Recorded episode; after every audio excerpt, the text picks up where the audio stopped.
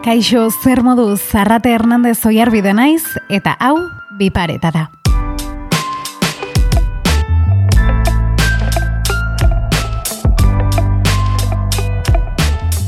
Jaikizea goizean e, etxean bi izan da edo hiru eta bat gehiago zea, ez, e, iluntzean. Inposaketatik gertutasunera bideratu genuen esku hartzea. E, orduan emaitzak guztiz aldatu ziren. Saio bakoitzean gai bat bizitzeko bi modu ezagutuko ditugu. Gaur, harrera etxeak eta familiak. Jon Martinaiz, laro batean jaiotakoa, libra, eta ez dakit nire burua oso ondo nola... Urgentziazko harrera familia bateko aita baten testigantza batetik. Eta batez ere jendeak bertxotatik ezagutzen hauela eta bigarren faseko harrera etxe espezializatu bateko gizarte ezitzailearen abestetik. Udane Martin naiz, goita urteko neska San Juan darra, e, eta bueno, gaur egun gizarte ezitzaile bezala lan egiten duna. E, inoiz ez dut argi izan zer ikasen nuen eta zertara zertan ikusten nuen nere burua. Pertsona bezala ez naize pazientzia handia duen pertsona, eta bueno, karrera o gradua ikasten egon bitartean, ba, ba, dudak izan nituen e, honetara e, dedikatu nahi nuen edo ez. Ze, bueno, e, gizarte zitzaile izatearen faktori garrantzitsuenetariko bat e, pazientzia da. Hasiera baten gaizki pasan nun, baina gaur egun ez naiz beste toki batean ikusten.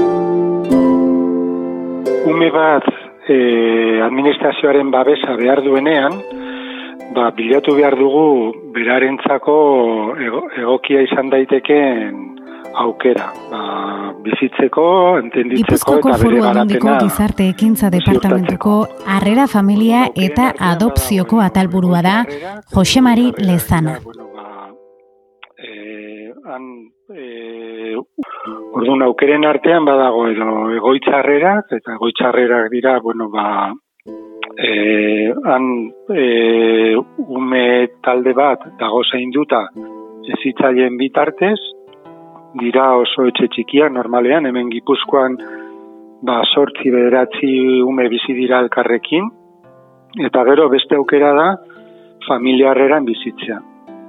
Eta familiarreran, bueno, ba, da familia bat, normala, gu bezalako familia bat izan daiteke, eta familia hori pres dago bere etxean ume bat hartzeko eta atenditzeko. Ilabete terdi da e, juntzitzaigula txikila etxetik, ja familia profesionalizatu batera, behin betirako edo emezortzi urte bete arte behintzat, beraiekin egoteko eh, aurre ikuspena dago. Eta oraintxe justo eh, alaba jaio zaigo, orduan, ba, oixe, tio bibo emozional honetan, ez? E, dolua bukatzea arredo, ba, etorri zaigu beste poza. Batak ez du bestea ordezkatzen, baina, bueno, biak elkarren gainean jartzen dira, azkenean ekuazioa pixkat zerora urbiltzen da, ez? Ba, bueno, nire kasuan uralde etxea izena duen harrera bat etxe batean lan egiten dut. E, uralde etxea gaintxurizketan kokatuta dago, lezon, eta bertan bederatzi nerabe bizi dira. Neska eta mutilak amairu mezortzu urte bitartekoak. Gipuzkoa maila momentu honetan e, aldundiaren babespean dauden eskamutilak dira gutxi gora bera sortzi deun, zazpideun, iaia sortzi deun. E, aietako erdia, bizkat, e, erdia baino bizkat gehiago daude egoitzarreran. Eta beste erdia e, familiarreretan e, bueno, legeak eta teknikoki ere ikusten da, hau dela alde ninean aukerarik onena kasu gehienetan. Batez ere umeak txikiak direnean. Legeak esaten du irurtetik berako umeak, beti egon behar direla familia batean, eta alde ninen, zei urtetik berakoak ere bai. Baina bada baita ere aukera oso ona, hortik gorako umeentzako eta nerabentzako. Ba, normalean egunkarietan irratian telebizan agertzen da, ba, egoera oso larri bat agertzen denean, baina hau eguneroko bizitzan, bueno, ba, gertatzen da. Ez da erraza horeka mantentzea, zailagoa tartean beste bizitza batzuk daudenean, askotan gurearen parte izatera pasatzen direnak. Eta hori, kudeatu egin behar da, kudeatzen jakin, eta prest egon behar da horretarako.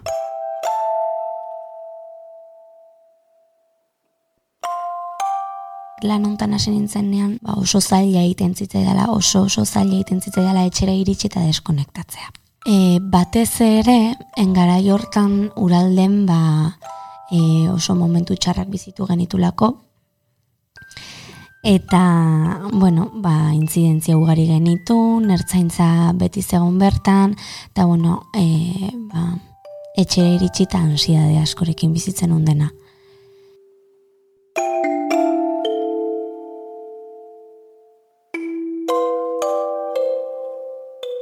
arazoak, arazo larriak benetan dituzten pertsonekin lan egiten dezunen ikusten duzu, ba, ba, so, osa, e, e, erlatibizatu egiten dituzu totalmente, arazoak. Totalmente. Totalmente.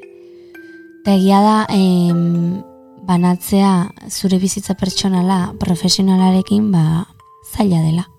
Eta, bueno, gaur egun ere zaila egiten zaitela. Ze, bueno, batez ere eta nire ustez eh, gizarte zitzaileen puntu garrantzitsuenetariko bat e, e, afektua eta binkularekin lan egiten dugu aipatzea da. Em, harreman, harremanak ditugu e, nerabeekin eta nerabe horiek e, afektua eta eta binkulua eta konfiantza behar dute. Tordun, e, profesionalki zuk hori bete behar dezu. Eta hori betetzen dezunean, e, ba, bai ukitza dituzula duda horiek ez. Benetan da, profesionalutxa da, e, bera honea, honea dator, lan egin gaute etxera dijoa. Baina, bueno, e, oza, lan guztietan bezala, lan, lan guztiek dute bere zailtasuna. Eta denborarekin ikasten da.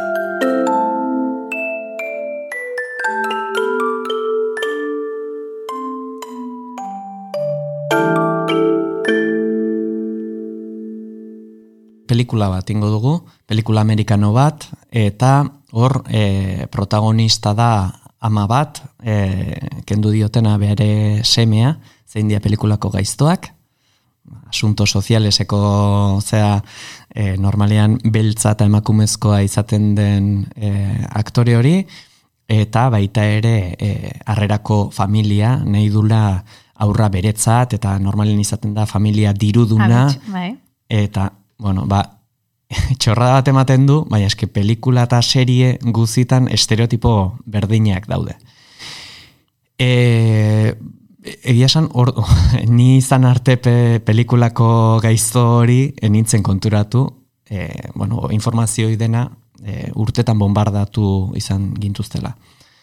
Hortaz aparte, e, esango nuke jendeak ez gaitula begi txarrez ikusten, alderantziz. E, jende pila batek esan digu gaina, mireste, miresten dula, puf, nik ezingo nuke, hori gehitzen diote askotan.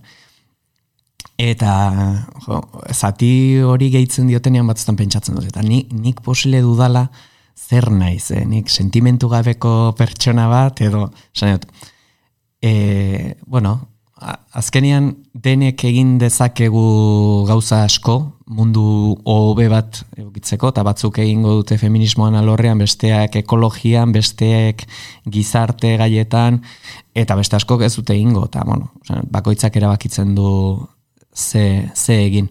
Baina askotan kontu zibili behar da ematen dugun feedbackakin, ze mhm. batzutan positibo izan nahian, e, ez, gauza negatiboak esaten ditugu. Esan behar da, behar ditugula e, mota askotako familiak. Ze kontutan hartu behar da, guk babestu behar ditugu neska eta mutilak oso desberdinak direla beraien artean, ordun familien profilak ere oso desberdinak izan behar dute.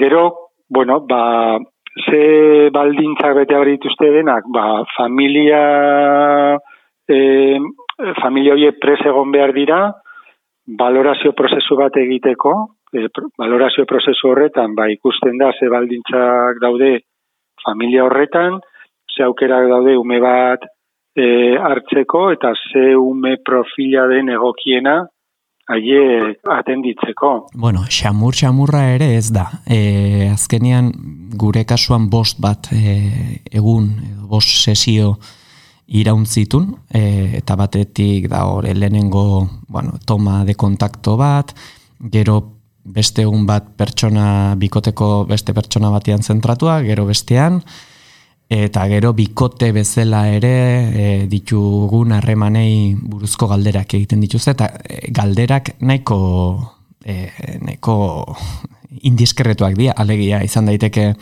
noiz diskutitu zenuten azkeneko aldiz. Nola konpondu dezute. Eta, bueno, nahiko bortitza da alde batetik, gero test psikoteknikoak edo, bueno, olako... Gero famili, e, familiko guztiek ados egon behar dute ume bat hartzeko, hori argi eta garbi eduki behar dute. Et, eta, bueno, e, baita ere lehenengo momentuan e, pensatzen baldin badute ume bat hartu dezaketela, gero formazio eta valorazio prozesuan ere saiatzen gara aurnasketa prozesu bat egitea, haie konturatzeko noraino dauden presume hori atenditzeko eta ze gaitasuna dituzten atenditzeko. Baina edozein familia, edozein pertsona, izan daiteke e, lehenengo momentuan egokia e, gutxienez e, informazioa jasotzeko eta ikusteko ea posible dan harrera bat egitea nik uste asko dela nola enfokatzen dezun. Eta nik adibidez e, fede guztia e, aitortu nien psikologoei, eta psikologo hoiek iristen baldin bat zuten, enegola prestatuta e, arrerako aite izateko, ez, e, babestu iten indutela, konsideratu nun. Uh azkenean, ez banago prestatuta, beraiek esan dieza datela, eta, bueno, pixka dizorratuko dit, baina baina hobeto e, gero aur batek nere honetik ateratzea baino, ez? Eta horrela behiratzen baldin badezu nik uste e, asko zere atseginago dela. Bazen ekiten bukatuko zela. Bai, bai, bai. bai oso urgentziazko harrera ginengo. E, harrera familiak e, ia denek e, nasten ditugu adopzioekin. Eta badute zerikusia, ez? baina ez da gauza bera harrerako familia baten e, helburu gorenak izan behar du, bere familia biologikora itzultzea aurrak. Harrerako familia izatea ez da aur bat adoptatzeko modu erres bat. E, eta hori familia askok e, igual hasieratik e, nazten dute, eta bestela nahi gabe gero e, nahazten bukatzen da, ez? Azkenean, hainbesteko kariñoa hartzen diozu aurroiei, ba, zurekin gelditzea desio dezula, ez, alde batetik behintzat.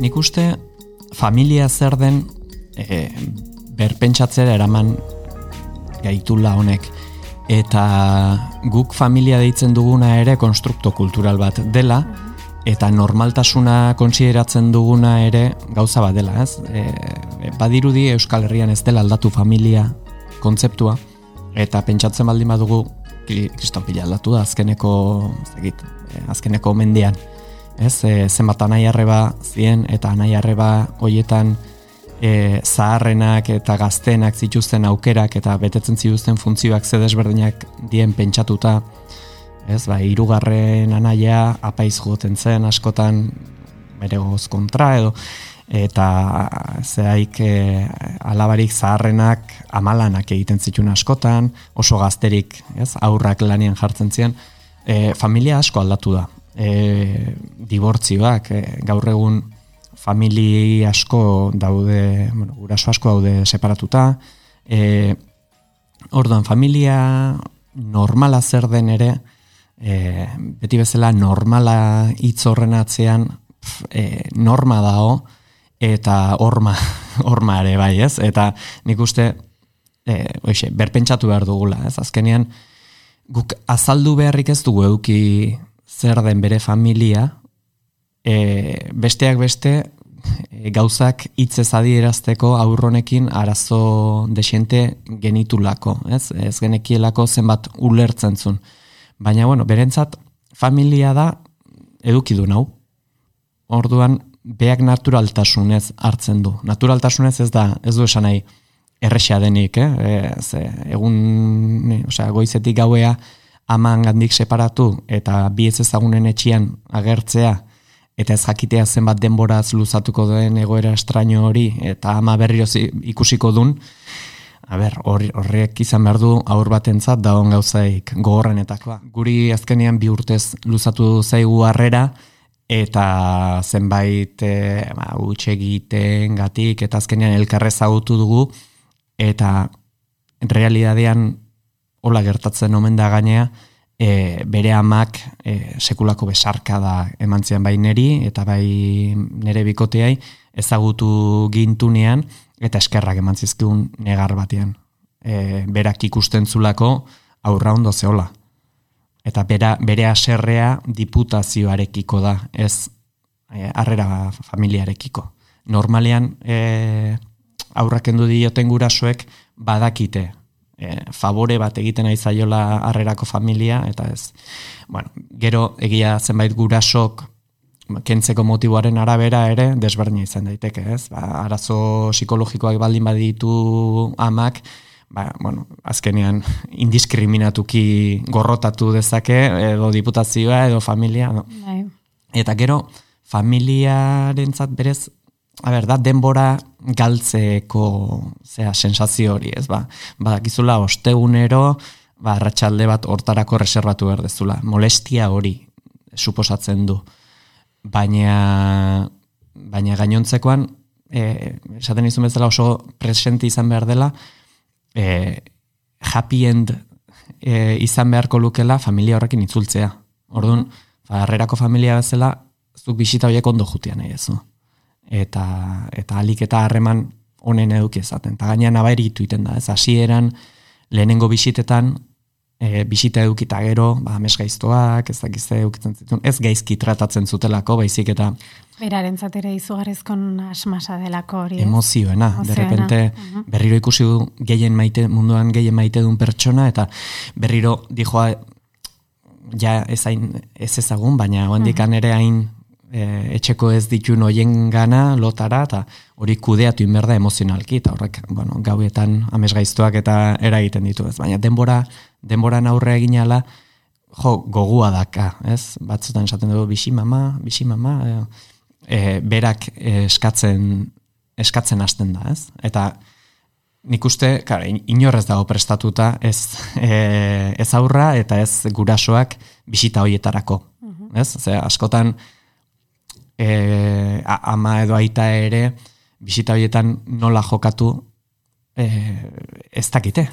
Ze, igual, emozioek gaine hartzen diote eta pasatzen dute ez, bi ordu itatik ordu bete negarrez. Eta aurrak ez daki e, triste da hon, e, pozik da hon, eta bueno, suposatu guiten du, ez? Eta, bueno, ez, di, ez dia bat ere erreseak eta nola kudeatu ondo ere ez da, ez da jakiten askotan. Aur bat kentzen zaioneako familia bate, bati e, dituzten arazo edo sozioekonomiko edo, edo psikologiko hoiek, bueno, ba ez dute erresten. E, bisitak ere ondo jotea, baina bueno, hor daude bisitetako profesionalak ere e, esperientzia dakatenak, ez? E, anormaltasun hori behaien egunerokotasun bihurtu dutenak eta horiek ere pixkat e, badakite, ez? Aurra derrepente noiz despistatu pixka bat amari arnaz pixkat emateko eta uh -huh. noiz e, egia esan, jende zoragarria da, hola badaude aingerutxoak e, munduan eta horrelkartzen dira.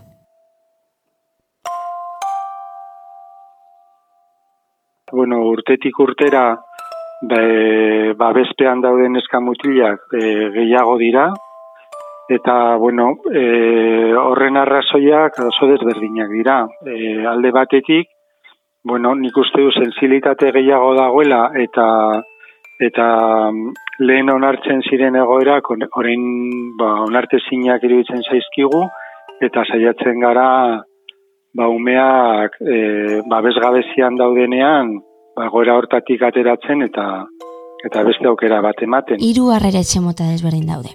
Batetik pisu basikoak, bertan e, bizi daitezke bai aurretan erabeak, eta e, bueno, ba, familie, beraien jatorrizko familiekin e, arazo edo zailtasunak izan dituztenak egoten dira.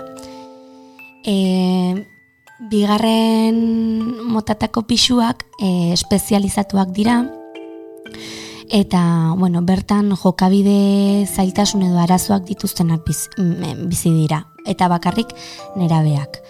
Mm, amairu, amairu mezortzurte bitartekoak e, zer dira jokabide arazoak? Ba, izan daiteke agresibidadea, izan daiteke ba, droga kontsumoak, izan daiteke, izan daiteke ba, e, osasun mentala, e, delituak dituzten e, nerabeak, eta bueno, tabar, eta bar luze bat. Eta hirugarren hirugarren motatako pisuak dira em, baita ere espezializatuak eta bertan jokabide arazo oso larriak dituzten bueno, nera behentzako dira. E, jokabide arazoak normalean pues, e, bigarren faseko edo uraldetxeko e, antzekoak dira, baina nagian kontentzio gehiago behar dute. horretarako daude ba, e, jokabide oso larriak, jokabide arazo oso larriak dituzten pues, nera bentzako.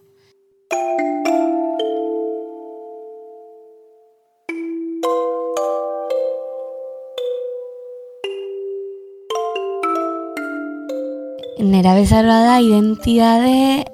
Zure... Identidadea eraikitzen ari garen fase oso garrantzitsua.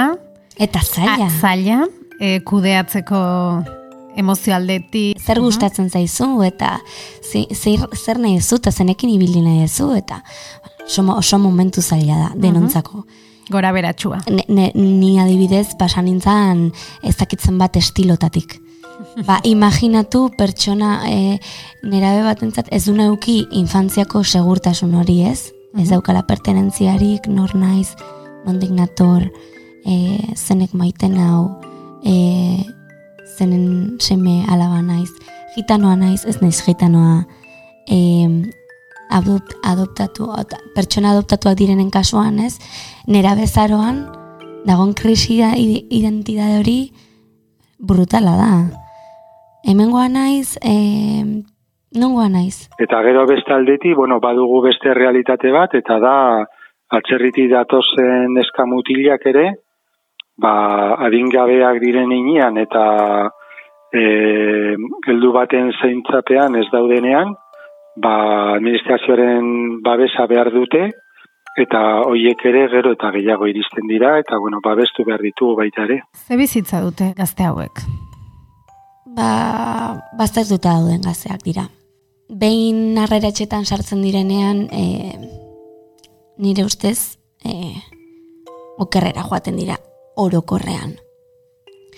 Etxetatik, etxetatik beraien familietatik ateratzen dituztenean eta harrera etxetara bidaltzen dituztenean e, bertan e, arazoak dituzten nerabekin harremantzen dira. Eta azkenean beraien jatorria alde badetara uzten dute ba, egun e, nerabe hoiekin no? adiskidetasun hori e, ba, aurrera eramateko, eta, eta bueno, beti e, esklusioan dauden taldeak dira. Ba, hori, amalau, ama usturteko nerabeak, e, porroak erretzen dituztenak, e, zigarroak erretzen dituztenak, e, plazetan eta parketan banku batean eserite egoten direnak eta jolasten zutenak. E, kontuan hartu, e, pertsona hauek e, ba, ikastetxetatik bota egin dituztela. Ja, behin ikastetxetik ateratzen edo botatzen dituztenean, e, eta formazio profesional basikoetan hasten direnean, e, ja hori ere testu inguru bazertu bada. Eta hori, emezortzi urte arte? Emezortzi urte betetzen dituzten egunean, ja e, ezin dute uralden egun. E, bueno, kasu asko, de, kasu, kasu asko daude eta desberdinak. Baina, egia da, familia ez dut, familia ez dutenek, ba, kalean ikusten direla. Ze gaur egun, bueno, bai harrera etxeak eta bai baliabide guztiak em, beteta daude.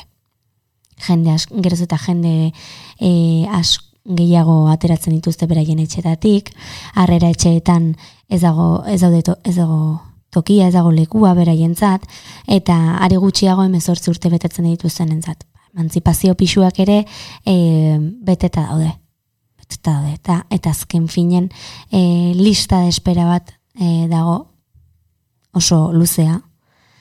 Eta bueno batez ere ba hori adibidez Marruekosetik datozen e, nerabeak e, hemen familia ez dutenak mm, ba kalean ikusten dira Hemezortzi urterekin. Hemezortzi urte betetzen dituztenean, baditugu aukera desberdinak. E, zaiatzen gara kasu guztietan jarraipena ematen, bai guk e, babes, e, umen babes arloan dauzkagun errekursoekin, edo inklusio zerbitzuetan dauden errekursoekin. Adibidez, familia harreran daudenak, badute aukera e, familia horretan mantentzeko, ados baldin badaude, e, gazteak eta familiak e, hogeita irurte bete arte. Gu jarraipena ematen diegu, laguntza ekonomikoa ere ematen diegu, hor mantentzeko. Eta egia esan momentu honetan, bai ia gehienak e, aukera hori hartzen dute. Momentu honetan dauzkagu ere bai iruro gehi gazte e, arrera familietan. Gero, etxeetan daudenak, badaude beste aukerak ere bai, adibidez, e, in, e, inserzio zerbitzuetan badaude emantziepazioko egoitzak deitzen direna. Horretara pasa daitezke, baita ere bere garapena, bere prozesua egiteko, nahi baldin badute. Momentu honetan guk Gipuzkoa mailan iaia gehiena pasa daitezke edo e, olako pisu batera edo bestela badago baita ere aukera ezitzeko laguntza espezializatua. Hor ez dira pisu batean bizi, baizik eta bilatu behar da e, etxe bizitza da normalean konpartitu behar dutena, eta badago laguntza ekonomikoa eta jarraipen bat. Gero, badago baita ere egia esan, e, talde bat kalean gelditzen dana, eta horiek dira, edo e, batez ere, e, atzerritik iritsi diren gaztea, justo iritsi dira, adingabeak izan da, baina emezortzi urte betetzen dute oso epe motzean, eta ez dago aukerarik beraiekin lantzeko e, jarraipena emezortzi urte betetzen dutenean. Eta egia da, batzu gelditzen direla e, aukerari gabe momentu horretan. Eta gero, badaude baita ere, ba, e, araz, e, portaera arazolarriak dituzten gazteak, ez direla egokitzen egoitza batean egoteko, bizitzeko, eta e, hoiekin askotan gertatzen dena da, kalean gelditzen direla. Eta oso egoera larria da kasu horretan, ze, bueno, ba, arazoa handiak dituzte, eta arazo, arazoak ere sortzen dituzte haiek ere. Zuk e, gazten partetik e, zer jasotzen duzu? Etxipena nabari da beraien bizipenetan edo... Pertsonaren arabera. Azkenian e, nera hauek asko sufritu dute, beraien bizitzetan eta konfiantza arazoa dute orokorrean. Em, lehenik eta behin zuk ezer egin alizateko konfiantza hori irabazi dezu. Eta hasiera baten lana da, ba, denbora konpartitzea, besterik gabe, eta elkarre zagutzea. em, nire baik ikusi behar dute e, zuk benetan e, kezkatzen zerela, zarela, e, lagundu nahi dezula, e, benetazko ikusi behar zaituzte. Ze hauek pertenentzia krisiak izaten dituzte. Eta zuk ezitzaile bezala, zer esaten diezu? Bueno, Zein da zure mezua? Gizarte zitzaileak baztertuta gaude ere. Testu inguru baztertutan lan egiten dugu. Eta beti arazoa presente dagonean. E, hau da, gizarte zitzaileak sartzen gera, ja arazoa existitzen dunean. Eta orain arazoa dagola, ba, konpondu. E, eta bai irutzen zaitere baztertuta gaudela. Alegia, e, eskola batean adibidez, etengabeko presentzia izan beharko luken figura bat aldarrikatzen duzu adibidez, eta ez bakarrik arazo bat dagoenean. E, totalmente. Izan ere eskolak e, gure bizitzan garrantzia handia du, ze e, jaiotzen geranetik praktikamente e, ba, masi urtetara e, eskolan pasatzen ditugu gure bizitzako ordu gehienak. Etxean baino gehiago.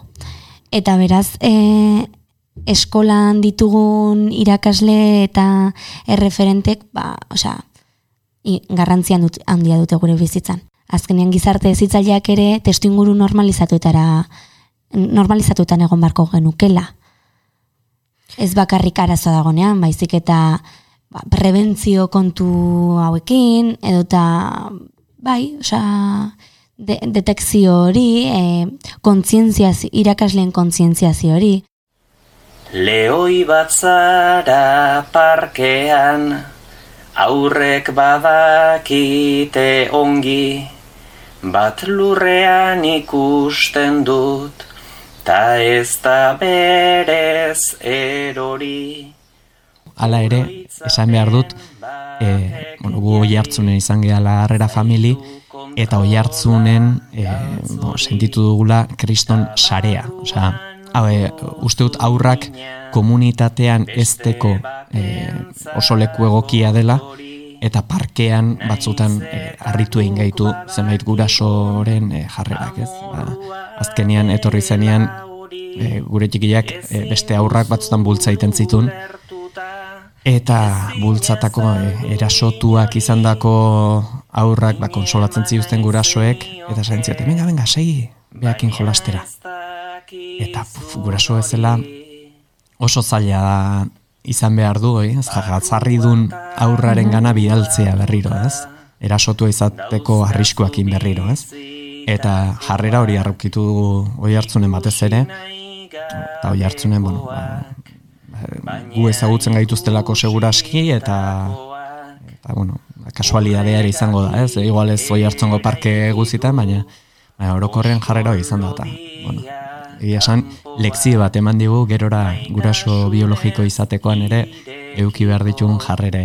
Ditugun giltzarrapoak Lurrera jausita ere Lehor dira uzartakoak Korapilo askatzeak Hain dira pixkanakoak Haze poza eman zigun Zure lehenengo malkoak normalean harrerako aur bat etortzen denean e, oso alaia da.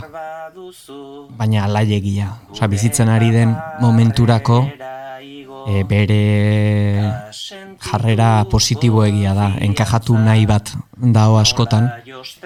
Eta, bueno, oskola bat ere egitzen dute askok. Eh? Bueno, aurretik aurrera ere mundu bat egongo da. Eh? Egongo dira batzuk, ba, deprimitzen dienak eta bizteratuko dutenak bere tristura, baina, bueno, aur gehienak eta batez ere gure kasuan ala zen, oso, oso askar egokitu zen. E, esan, bigarren, hirugarren egunean, e, jazta, ba, bale, zue, intzaten ere gurasoak ematen zuen ja onartua baldin baleuka bezala. Eta, karo, e, askarre e, egiten dien aldaketak normalean karakateko auketzen dute epe luzera, orduan.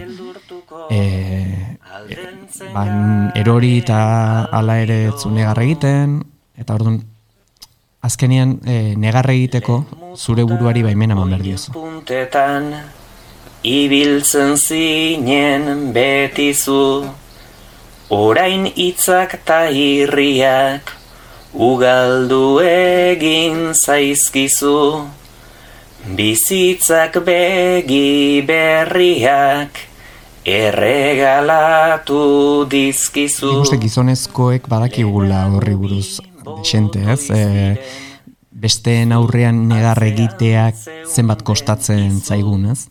Eta eta pixkat e, txikiak ere hori hori zeukan, e, negar egiteko premia handia segurazki, baina e, oxe, aitzakia handi xamarra behartzun. Naiz goatzen e, nik uste kolpen bat edo hartuzun benetan mini hartuzun egun batean, ba, egin zitun negarrak, egun hortakoak eta atzeratuak e, zitunak, ez? Orduan, bueno, beak negarre egin zuen, eta, bueno, pena pixkat emate iztu, aldi berian poza, ez? Behingoz, bueno, oskola hori ikusten dezulako arrakalatzen nahi dela. Maitasunak, afektuak, ezpaitu hitzen beharrik, adierazi eta eman egin behar da. Gure protagonistek badakite hori. Eta lortu dute beste dimentsio horretara iristea. Sufrituz, entzunez, emanez eta jasoz. Beti ikasteko prest. Asko gustatzen zaigu Pepa Horna izeneko psikologa bat, eta bueno, dago afektuan eta bikulan oinarrituta eta espezializatuta. Batez ere uralden sartu nintzenean, e, esku hartze mota zen autoridadetik eta inposaketatik. Eta bueno, e, esan bezala intzidentzia asko ukitzen genitun. Esku hartzea duela hiru bat urte aldatu genuen, inposaketatik gertutasunera bideratu genuen esku hartzea. E, orduan emaitzak guztiz aldatu ziren. Esku hartze mota honekin e, prozesuetan begiratzen hasi ginen. Eta hori da benetan garrantzitsua e, bakoitzaren prozesua, individualizazioa, esku hartze em, individuala, eta, eta bueno, osea, maitzetan nabaritu zen, zeren genitun erabeak ba, lehenengo fasetara bidaltzen genitunak, beraien agresibidadea handitu egiten zela, eta delituak, eta droga kontsumoak, dena handitu egiten zen. Ba, bazirudien e, nerabeak e, suntxitzen genitula. Eta zirela produktu bat. Eta produktu bat eta pasatu ziren ba etorkizun bat eukitzera, ba fa, beraien familietara bueltatzera. Em, ba egunerokotasun normalizatua bago bat izatera. Nik uste olako astroak alineatu ziela, e, mm, txikiai emateko komeni gehien komeni zitzaion familia eta baitare alineatu zila e, guri emateko gehien komeni zitzaigun aurra. Alegia, ni zerbait nire honetik ateatzen bat nau da e, e, zerbait azaldu eta ez kaso egitea edo ez ulertzea. Eta ba, oparia izan zen, ba, bi urtez hartu zazu ulertuko uh -huh. pertsona bat. Erronka bat bezala hartu zen. Bai, bueno, erronka bat bezala, bueno, e, ikas, ikasgai bat izan da, oso handia, eta bereziki hitzak ulertuko etzizkian norbait. Orduan nire arma indartsuena desaktibatuta, ba beste plano batean e, komunikatzen eta ikasi berrezan dugu, baina aldi berian bere zailtasuna handia, handiena hitzak izatea, bueno, hitzak edo komunikazio pragmatikoa esango denuke, e, bueno, e, oso ondo etortzen zitzaion ni hortan aditu xamarra izatea. Azkenean justo goen unibertsiadean ematen nahi naiz hizkuntzaren didaktika eta justu e, oi, zailtasunak ditun pertsona batekin e, etxean, ba, ba, bueno, ikusten ditun teoriak eta praktikak batzutan zegertu dauden eta bestetan ze urruti. Eta nik uste, e, bueno, kriston mesede indiogula elkarri, ez?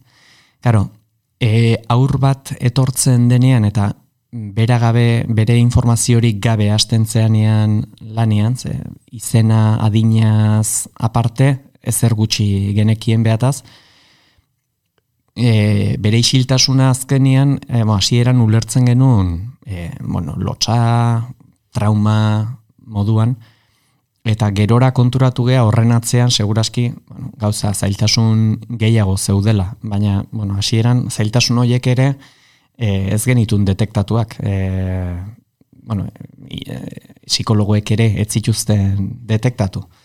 Eta pixkanaka pixkanaka jungea, ba, zailtasunei izena jartzen eta almenak eta eta zailtasunak e, bueno, maila desberdinetan jartzen, ez? Azkenean e, iztegia barneratzeko etzeukan inungo arazorik eta eta esango nuke errestasuna ere bat zeukala, adibidez e, koloreak e, euskeraz, gazteleraz, inglesez, rusoz e, ikasten zitun eta nik testatzen nun eta eta asmatzen zuen, ez? Zini e, urdina dela rusoz, ez?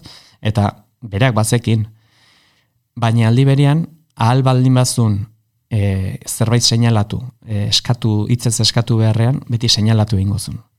Ez naiz eta alegina itxuraz behintzat handiagoa izan, ez? E, zerbait seinalatzea edo eramatea zu kalderaino eta txokolatia dagon e, kajoia seinalatu, zaren zu, askoz erresagoa zen, txokolatea, mhm. esatea. Ez, ez da txokolatea nahi dut, igual ja hor, za, gramatika ere badaula, ez, ez txokolatea itzori badaki, baina, e, bueno, bere, bere izaera olakoa zen, be, asko zerrexago komunikatzen zen, e, kinesikoki eta ez e, linguistikoki.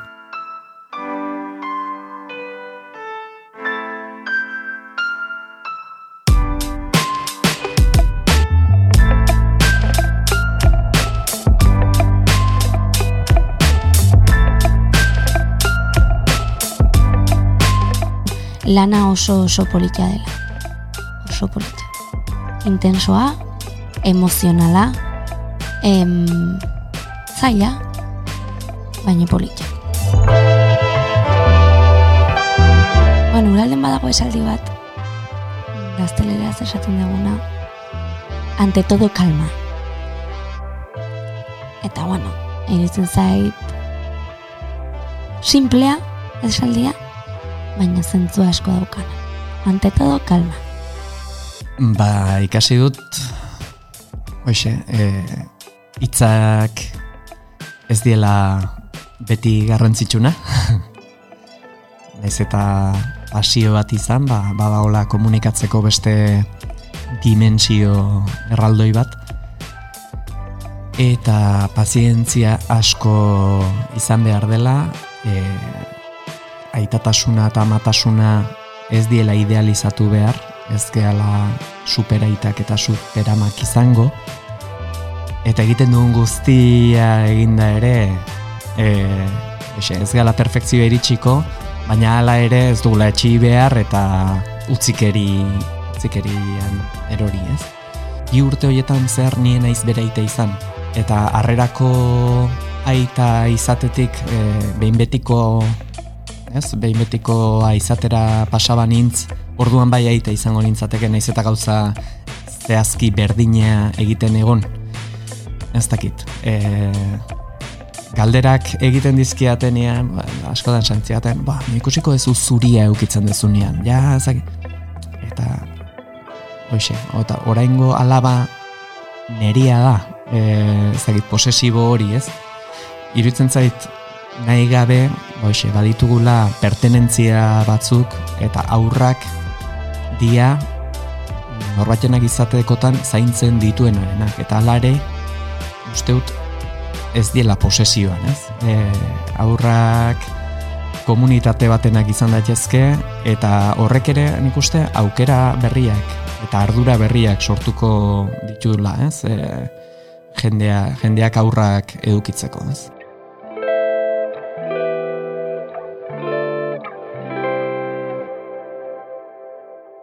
Eskerrik asko Udane Martin, Uralde etxeko gizarte zitzailea, eta Jon Martin, Larrialdiko Harrera Familiako aita.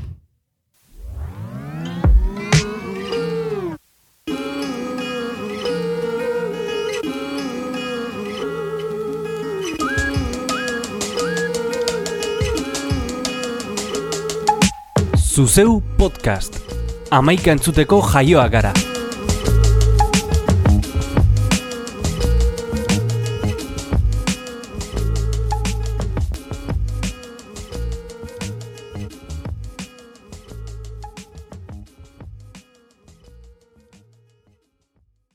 Edo zein audio plataformatan entzun dezakezu zuzeu podcast. Spotify, Apple Podcast, Stitcher, eta bestela sartu podcast.eus elbidera.